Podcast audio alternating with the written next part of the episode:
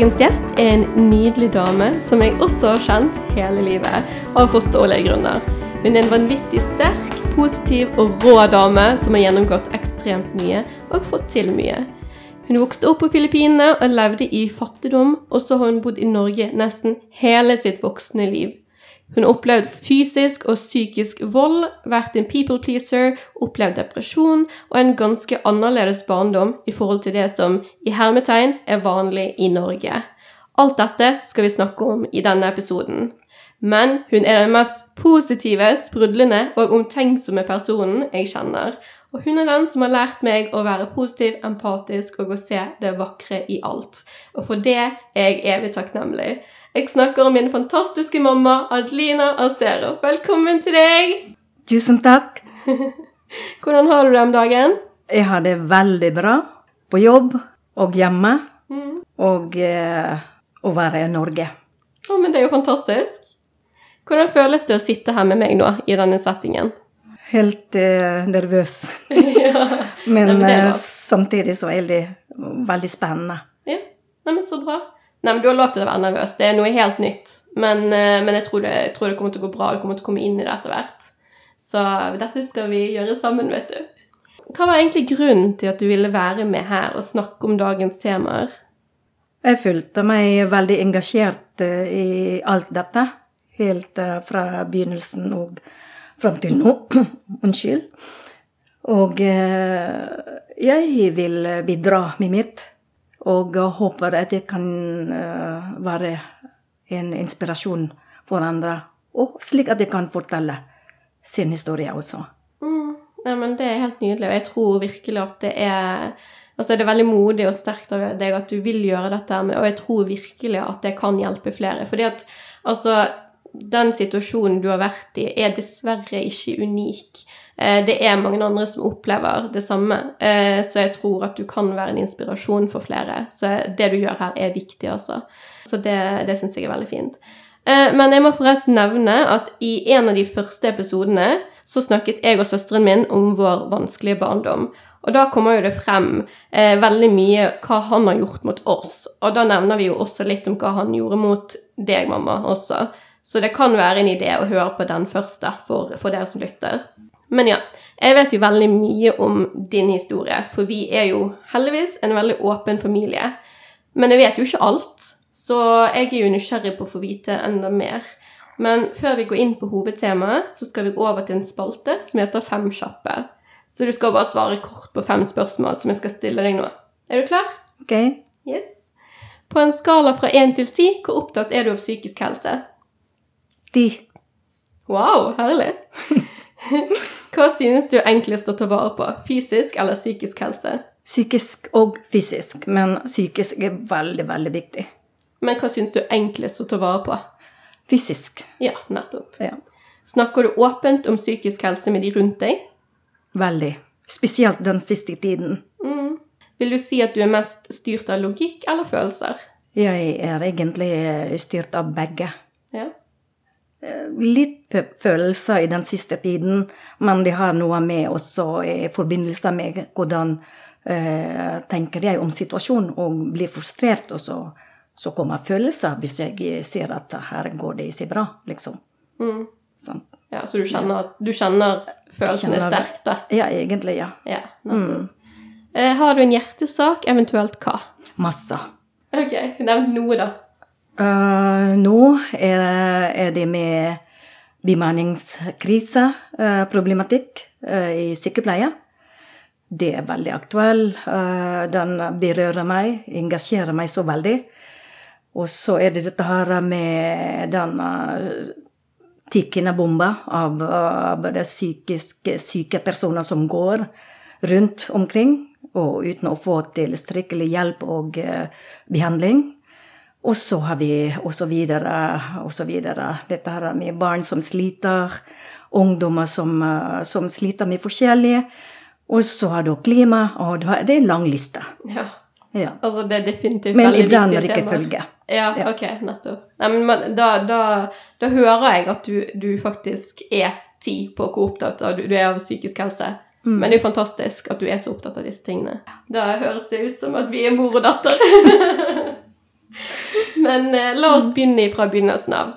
Barndommen din. Ja, nå, nå gikk jeg veldig fra litt sånn munter til bare wow, nå er jeg rett på sak her. Men, eh, men barndommen din, kan du fortelle litt om den?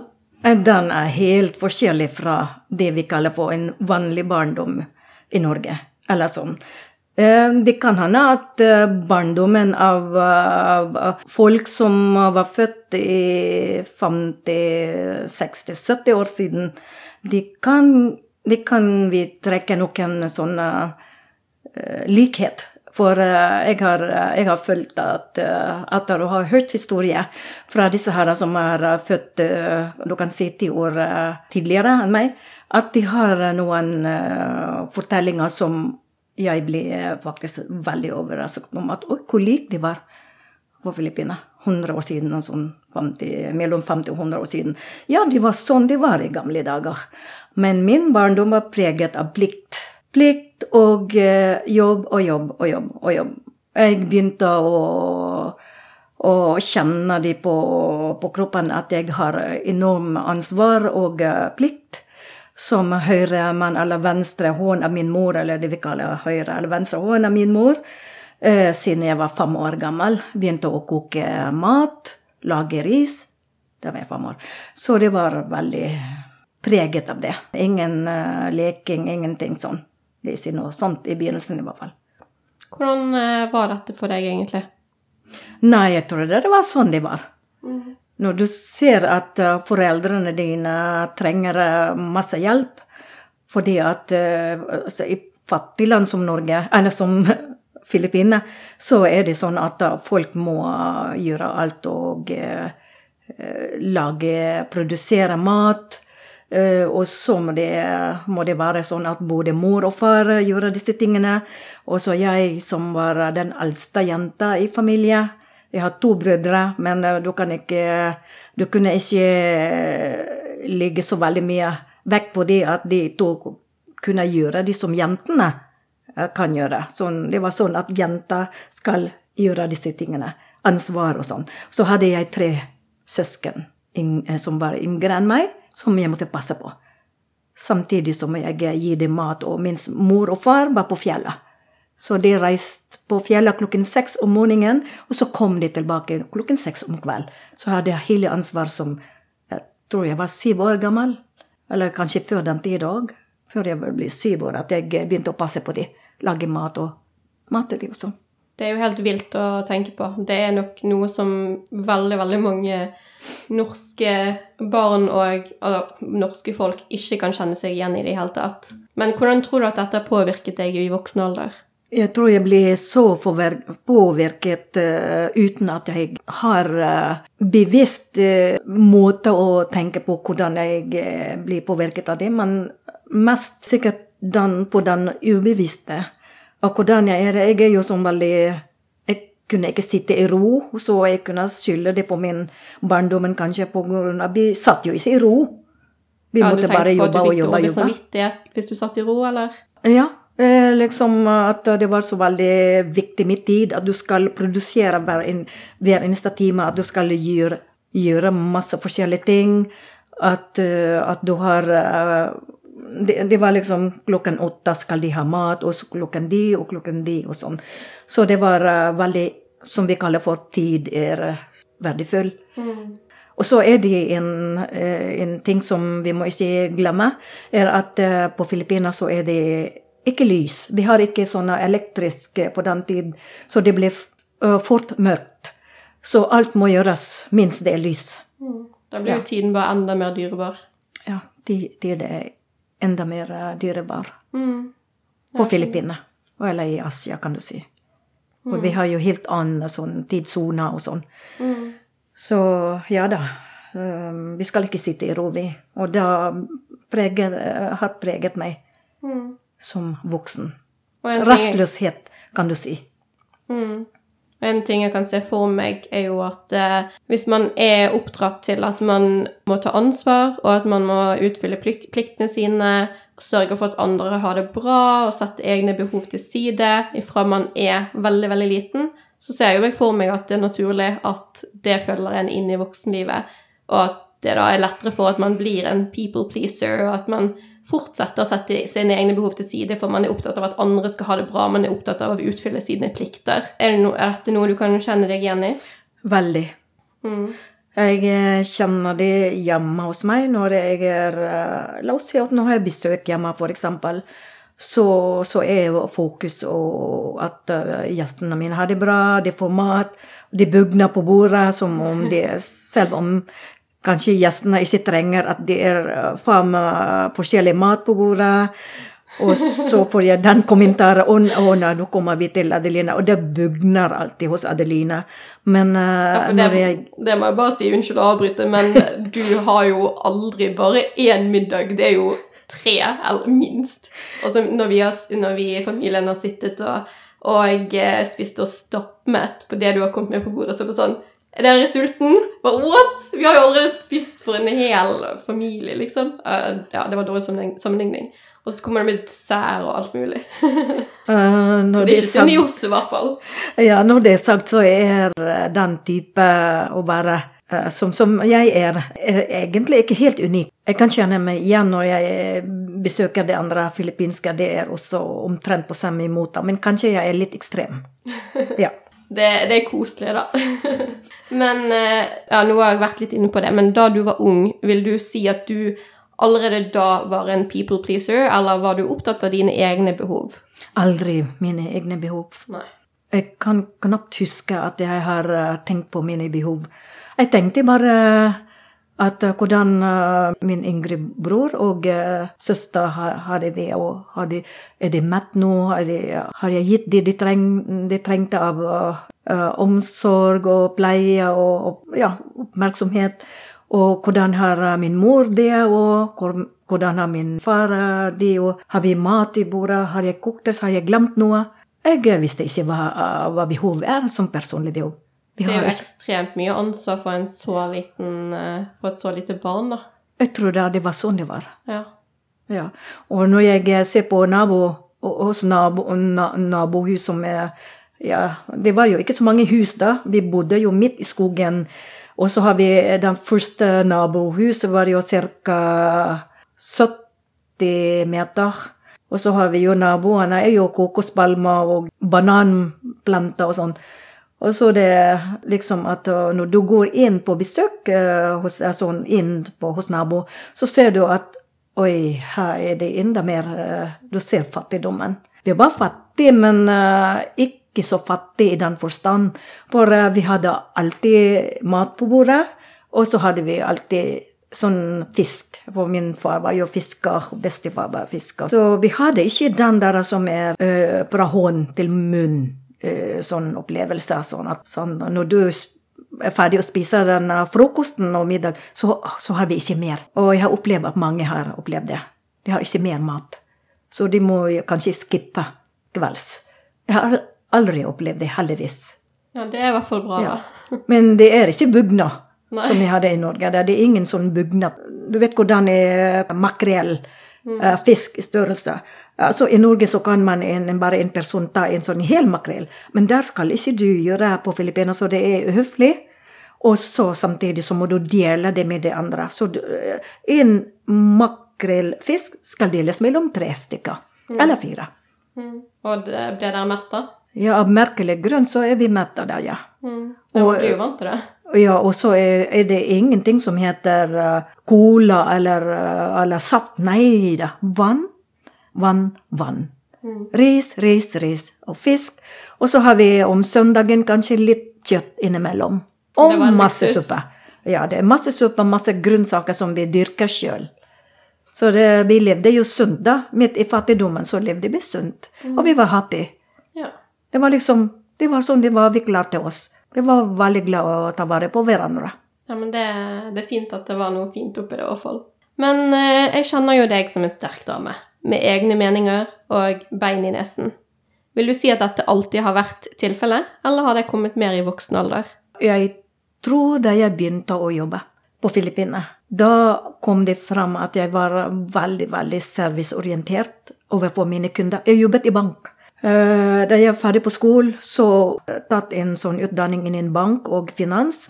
Og så fikk jeg eh, bankjobb, eh, en kassedame eh, på eh, stilling. Og da har jeg mine klienter som la oss si, står foran.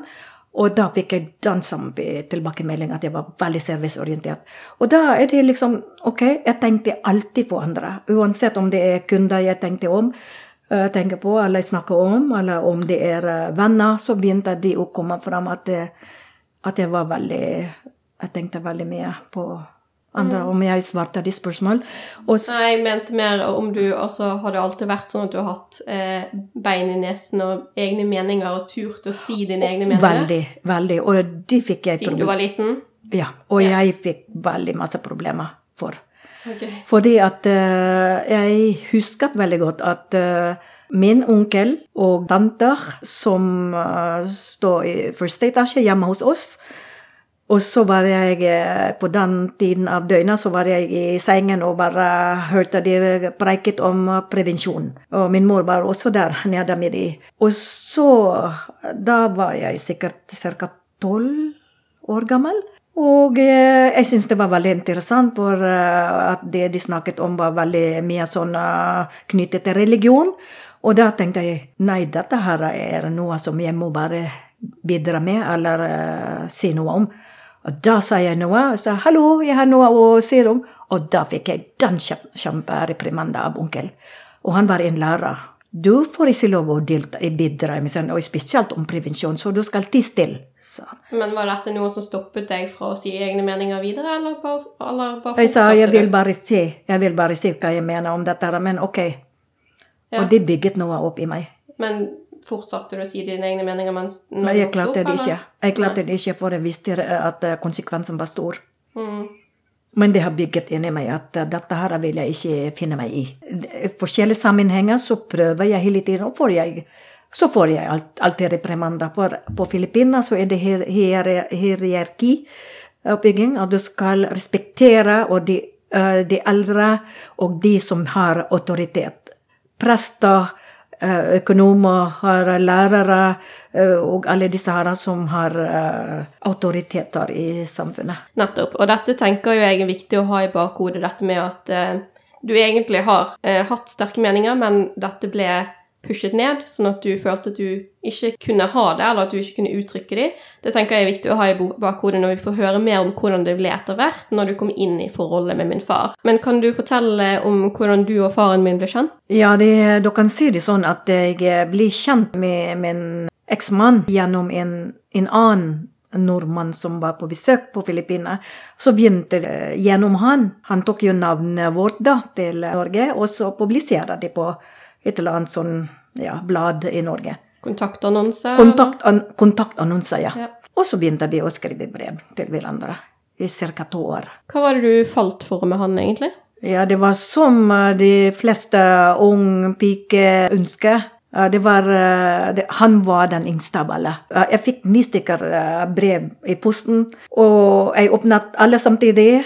Eh, Med hjelp av, av hun som har jobbet i banken. Så så vi på alder på alle sammen. Og det var noen bilder, og han var den peneste, den yngste av alle. Mens alle de andre hadde ikke hår. Jeg ville ikke, jeg ville ikke svare på de som ikke har hår, og de som er gamle enn meg. Jeg var jo tross alt bare Bare så det er ikke sagt, det er ikke noe galt med de som ikke har hår.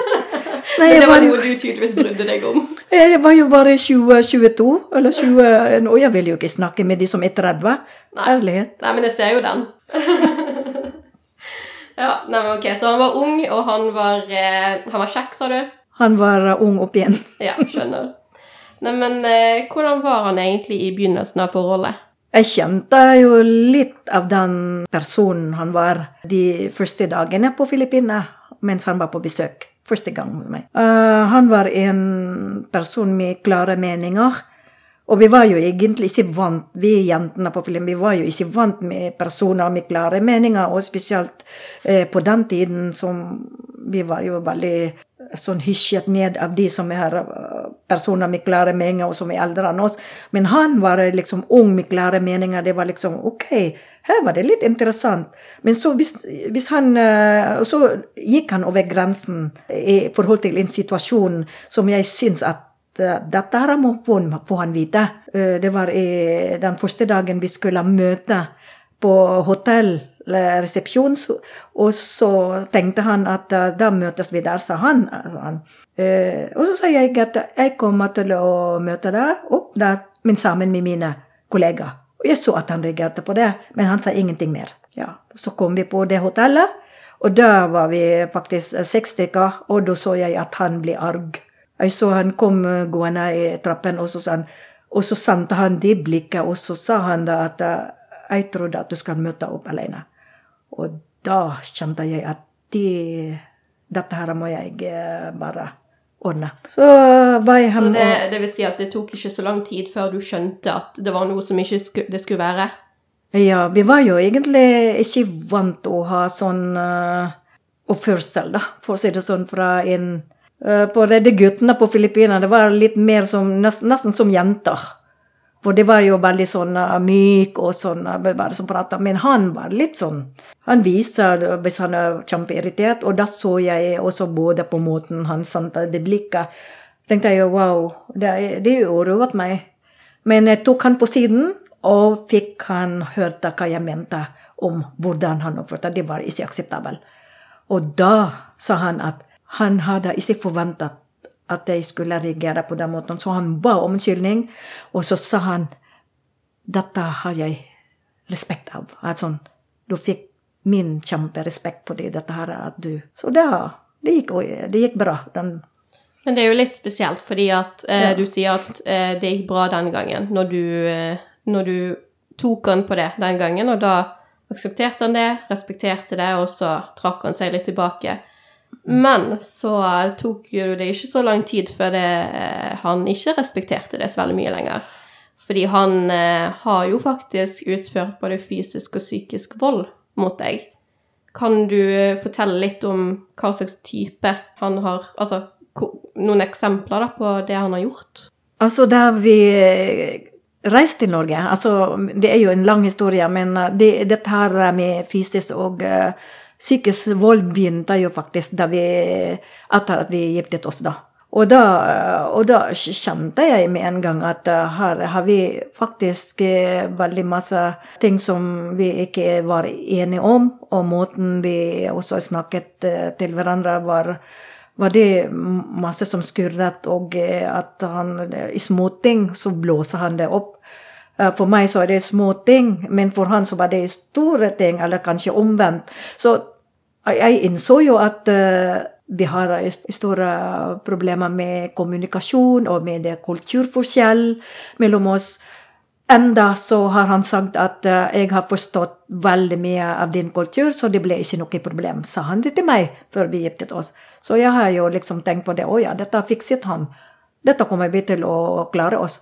Men da vi begynte å bo sammen som mann og kone, så, så skjedde jo det egentlig det motsatte. Antakeligvis så, så var det noe som jeg, jeg kunne ha gjort annerledes. med. Men vil du gi noen eksempler? Har du lyst til å gå inn på det? Så enkelt som at jeg f.eks. Vi hadde jo ikke bil på den tida. Og vi, var jo på, vi hadde jo bestevenner våre både på, på hans side. Altså bestevenner, en ektepar. Eh, Hun var filippinsk, og han var norsk. Som bodde på andre siden av, av fjellet. Eller sånn. Så vi måtte ta buss, og eh, på den tiden så glemte jeg jo Jeg tok jo prevensjonspill den gangen. Nei, nei, det var ikke det. Ja, unnskyld. Det var, jeg tok en sånn urinveisinfeksjon-tablett. Og jeg glemte det. Da var vi allerede om bord i buss. Oi, den glemte jeg. Og da var han så sint. Da han var så sint, og så hørte, hørte han der sjåfør at oi, det var, det var noe her som hiv i stammen sin. Sa jeg glemte det, og jeg glemte den tabletten. Da ble han prøvde å dampe, men det var ikke dampet. Det var liksom det sinnet som er liksom Og så de øynene, vet du. Og så da tenkte jeg Og jeg var så ulykkelig da jeg så det. Altså prøvde å forklare du må Prøvde å si det til han at du må ikke oppføre det sånn. Det er folk som hører oss. Jeg driter jo i folk, sier han. Det er jo ganske spesielt at han skal Ja. bli så sint for at du glemte noe som går utover deg, ikke han. Ja, det var den ene. Og så reiste vi en gang til byen. Gikk inn på bibliotek, eksempel. Og på bil- bibliotek også var det et eller annet vi snakket om en ja, liksom vanlig bagatellmessig ting. Og så begynte han å, å bli sint, eller så oppskaket, og så begynte han å heve stemmen sin midt i biblioteket hvor folk var til stede. Og folk eh, snur jo da, Hva er det nå som skjer med den der mannen? Så prøvde jeg, og jeg var så ulykkelig igjen. sånn. Jeg var jo så lei meg og flau og sånn. Altså, sånne ting jeg skal jo egentlig ikke si. Sånn, det, det sosiale antenna manglet jo, jo han. Så det var veldig mye sinne, eh, Ja. rett og slett. Og det, og det er jo noe som jeg og Steffen har snakket mye om i vår episode òg. At var, eh, vår barndom var preget av veldig mye sinne, og vi også nevnte det med at eh, han eksploderte for den minste lille ting. Eh, noe som var veldig lite for oss, men veldig, veldig stort for han, tydeligvis.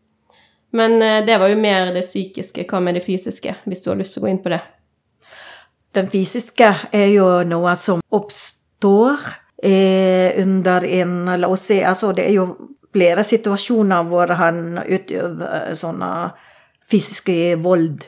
Det er eh, det første som jeg kan huske det han gjorde, var å, å, løfte meg Eller sånn hvis jeg står på gulvet, og så blir han så veldig sint fordi at jeg sa noen ord som fikk han til å enda mer sint.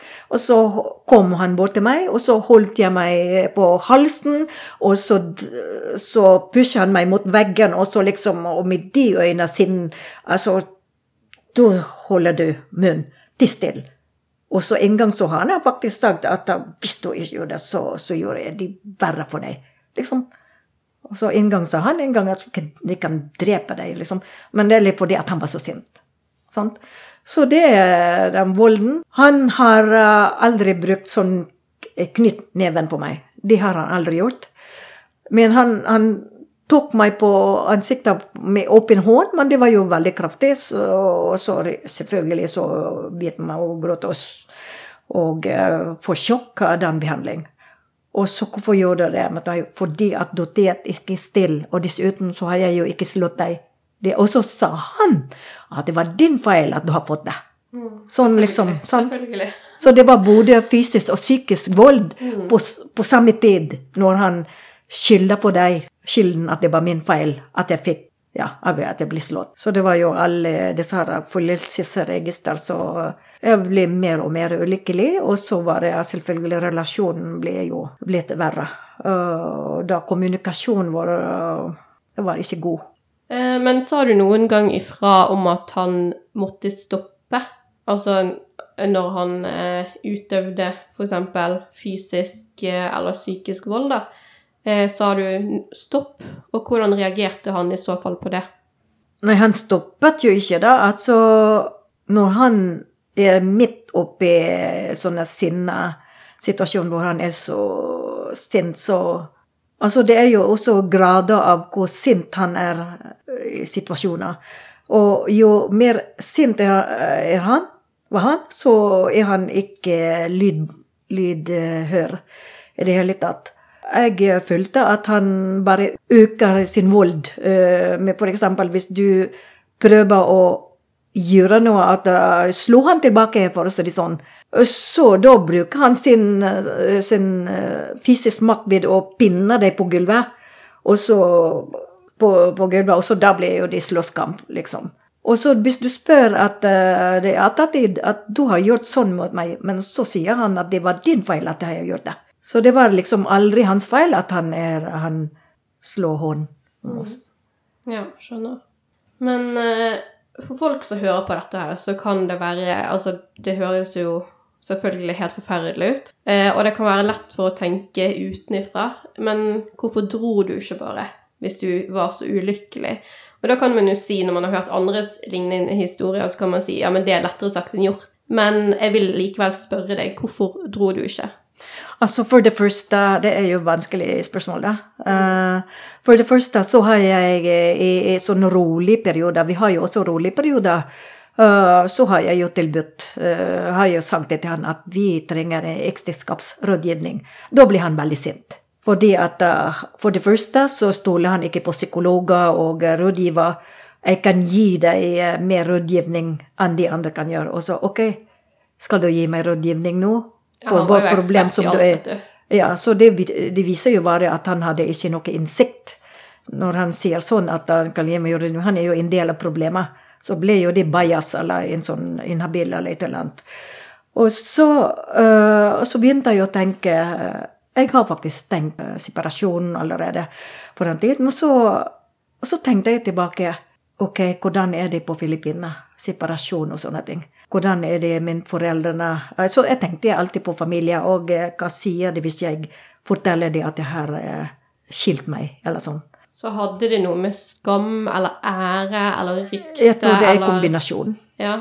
Og så Jeg kunne jo ikke fortelle de at vi hadde det ikke så bra. Mm. Men det var jo en gang, eh, en episode på Filippinene, vi var på ferie, at min mor har sett hvordan han var. Han var ufordragelig og uhøflig og uh, uten respekt og sa noe om en uh, enkelte hendelser hvor min mor laget mat, og så var det noe fluer rundt omkring, så skrek han at så, uh, så var det sånn at min mor ble helt, helt sånn Hun ble såret. For det var liksom hennes feil at det var fluer til stede?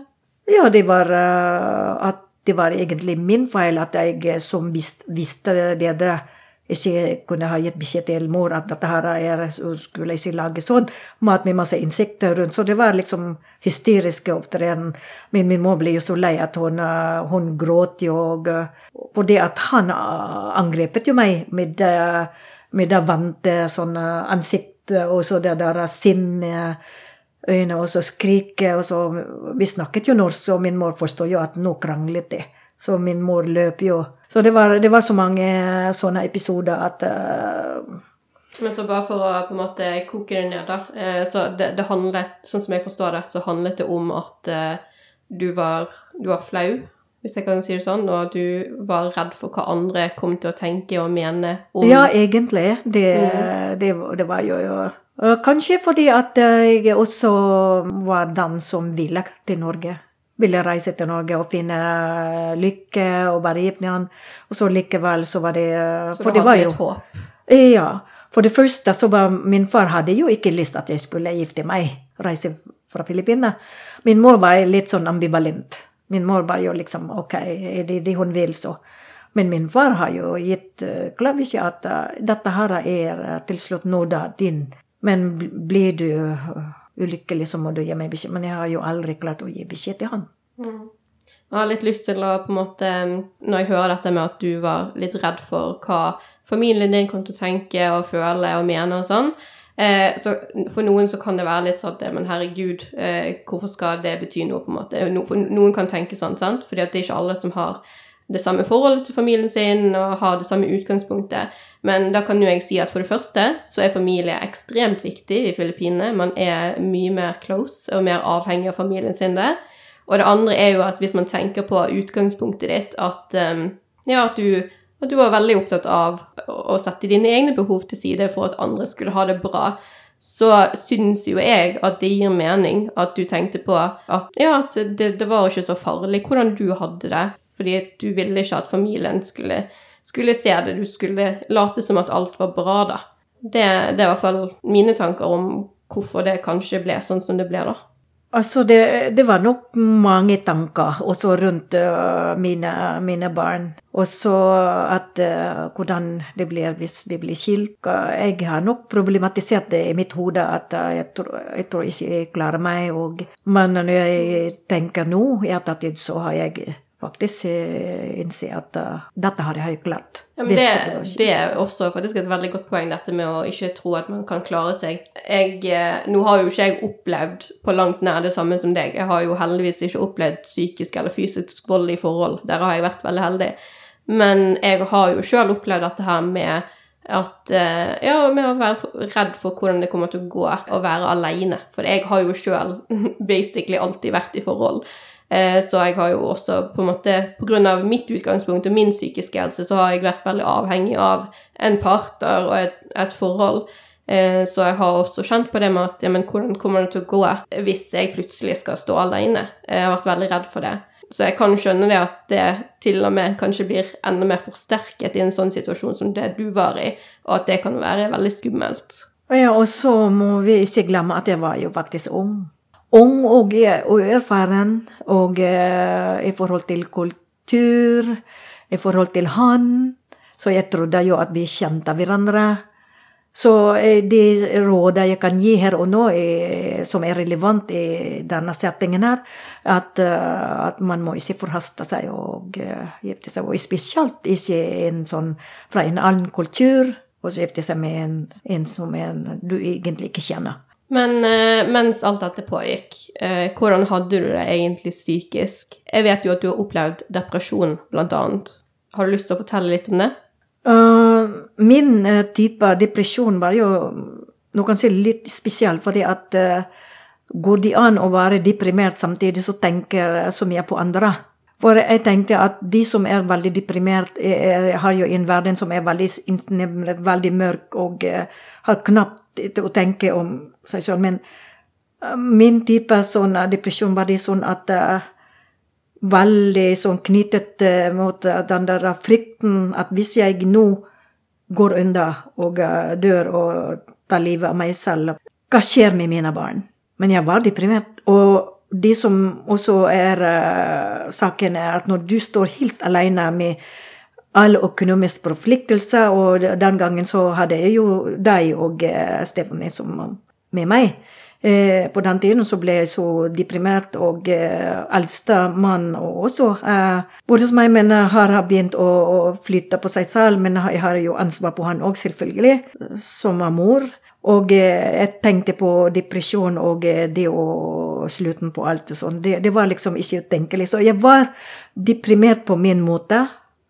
At eh, jeg, dette her skal jeg ikke Jeg skal ikke gi opp. Så det var en slags lysning midt i depresjonen, og jeg var takknemlig for det at jeg hadde det. Så du sier at du, du, du så en lysning, men uh, hvordan var det egentlig du klarte å komme deg gjennom alt dette her? For det første så er jeg en positiv innstilt person. Jeg er i grunnen veldig munter og glad og uh, hjelpsom. Alle disse positive ting i, livet. Og ansvarsfull følelse. Jeg tror det er der det ligger, at når, når du har deg selv, og så har du også dine barn rundt deg. Og faktisk også min eh, svigermor og min familie på Filippinene. Det var liksom veldig mange mennesker som jeg skal uh, ha forhold til. Som jeg uh, tenker Det var, det var lysningen, de, for meg. Og det var grunnen at jeg Ja, kanskje jeg skal, ikke skal gjøre dette. Men det var veldig vondt tid. Mm. Så jeg skjønner det at du kjente mye på det ansvaret du hadde overfor eh, de du hadde nærmt deg.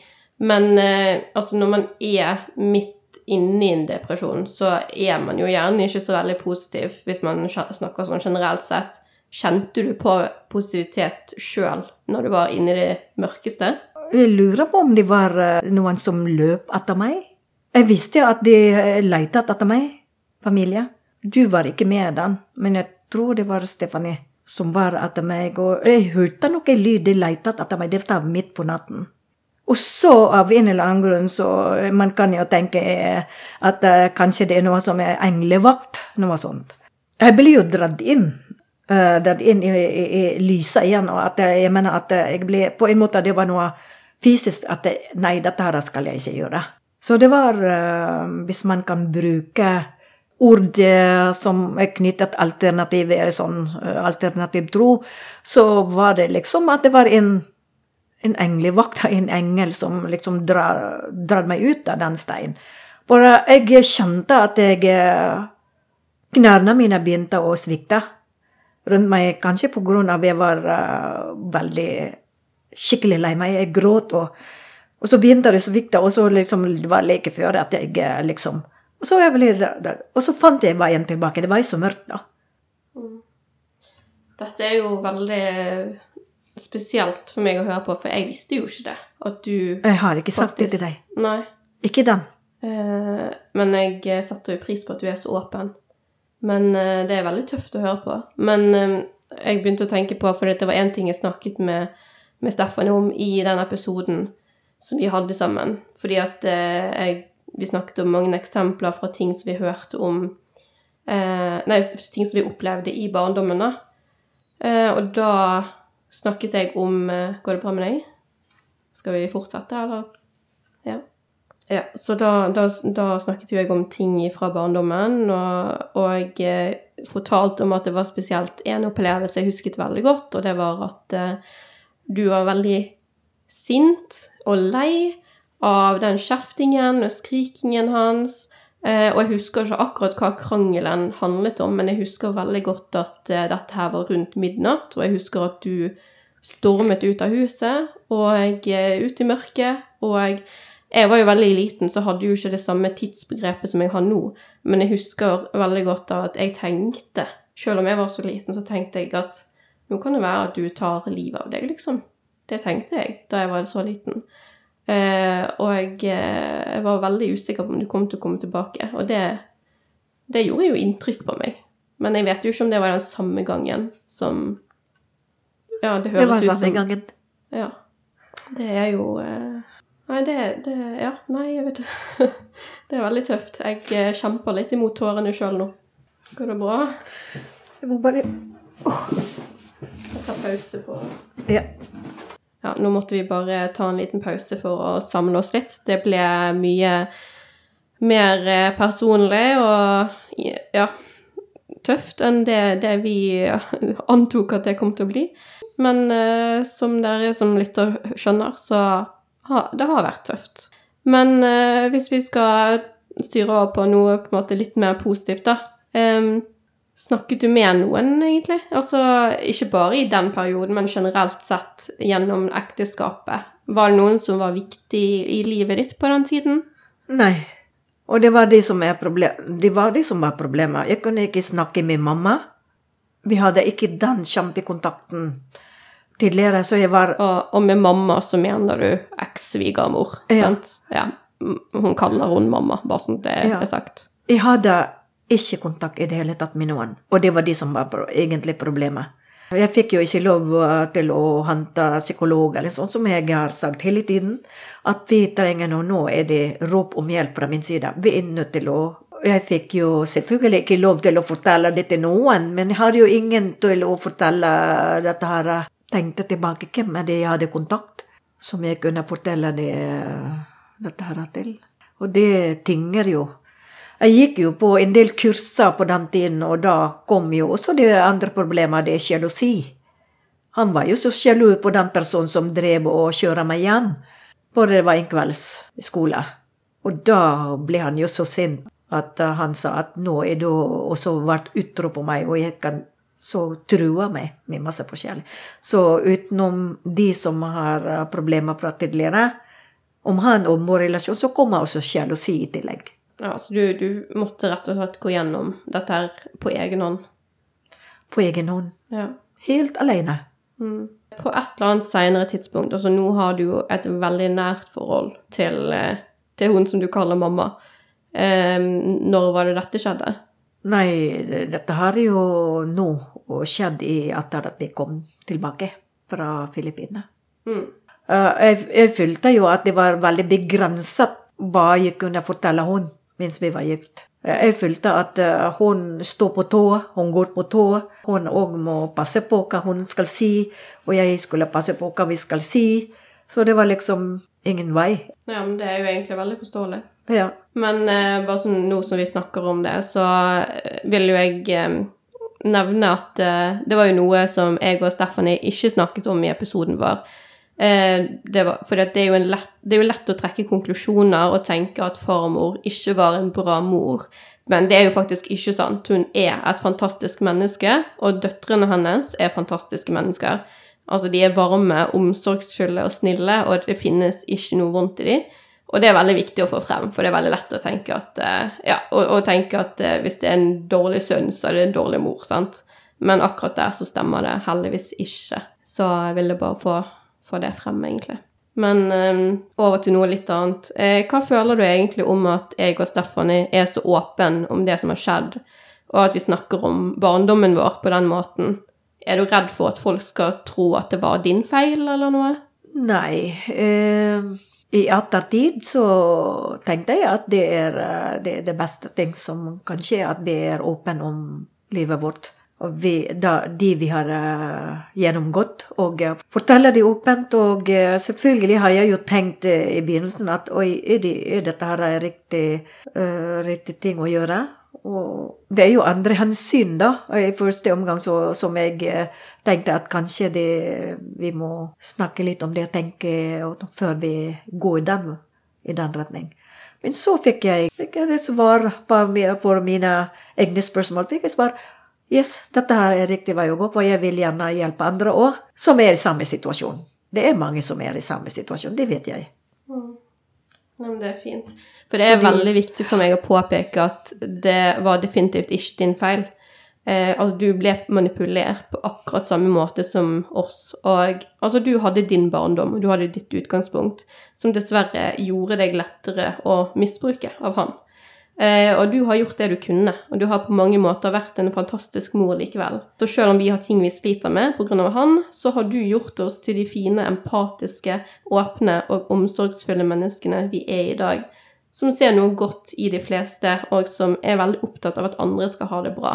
Så det må du bare ta til deg. Tusen takk. Mm. Hvis du kunne sagt noe til deg sjøl som liten, hva ville du sagt da? Nei, jeg har uh, sikkert sagt at uh, dette skal gå bra.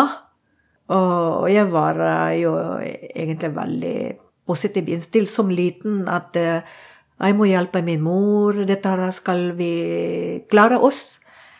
Og så har jeg faktisk drømt at når vi kom på den andre siden, at vi økonomisk og vi har fått bygget et nytt hus osv., så, videre, så, skal det bli, så skal det gå bra. Så jeg var full av optimisme som liten.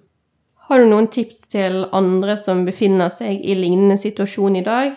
Det være seg psykisk og eller fysisk vold eller en eller annen form for misbruk? Og det må se ifra.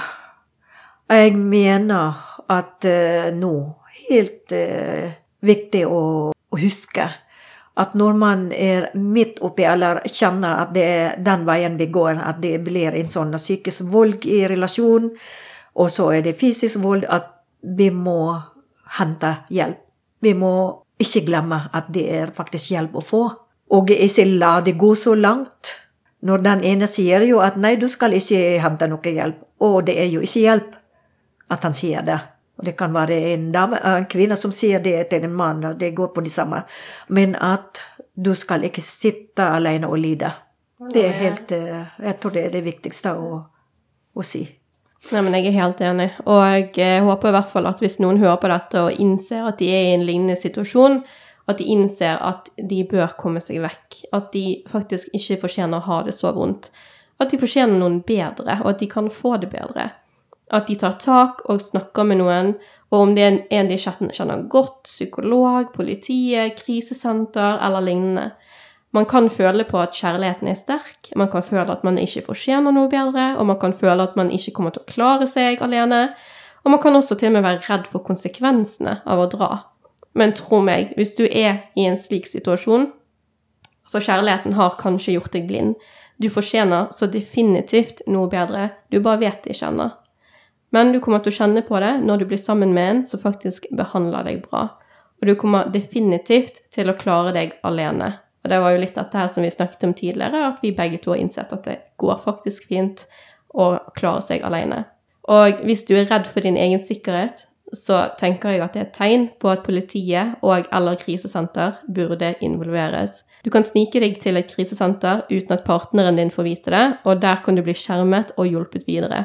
Gjør det for deg sjøl og for ditt fremtidige jeg, og også barnet i deg, altså den du en gang var. Gjør det for alle deler av deg sjøl og eventuelt barna dine, hvis du har barn. Det var det vi hadde for i dag.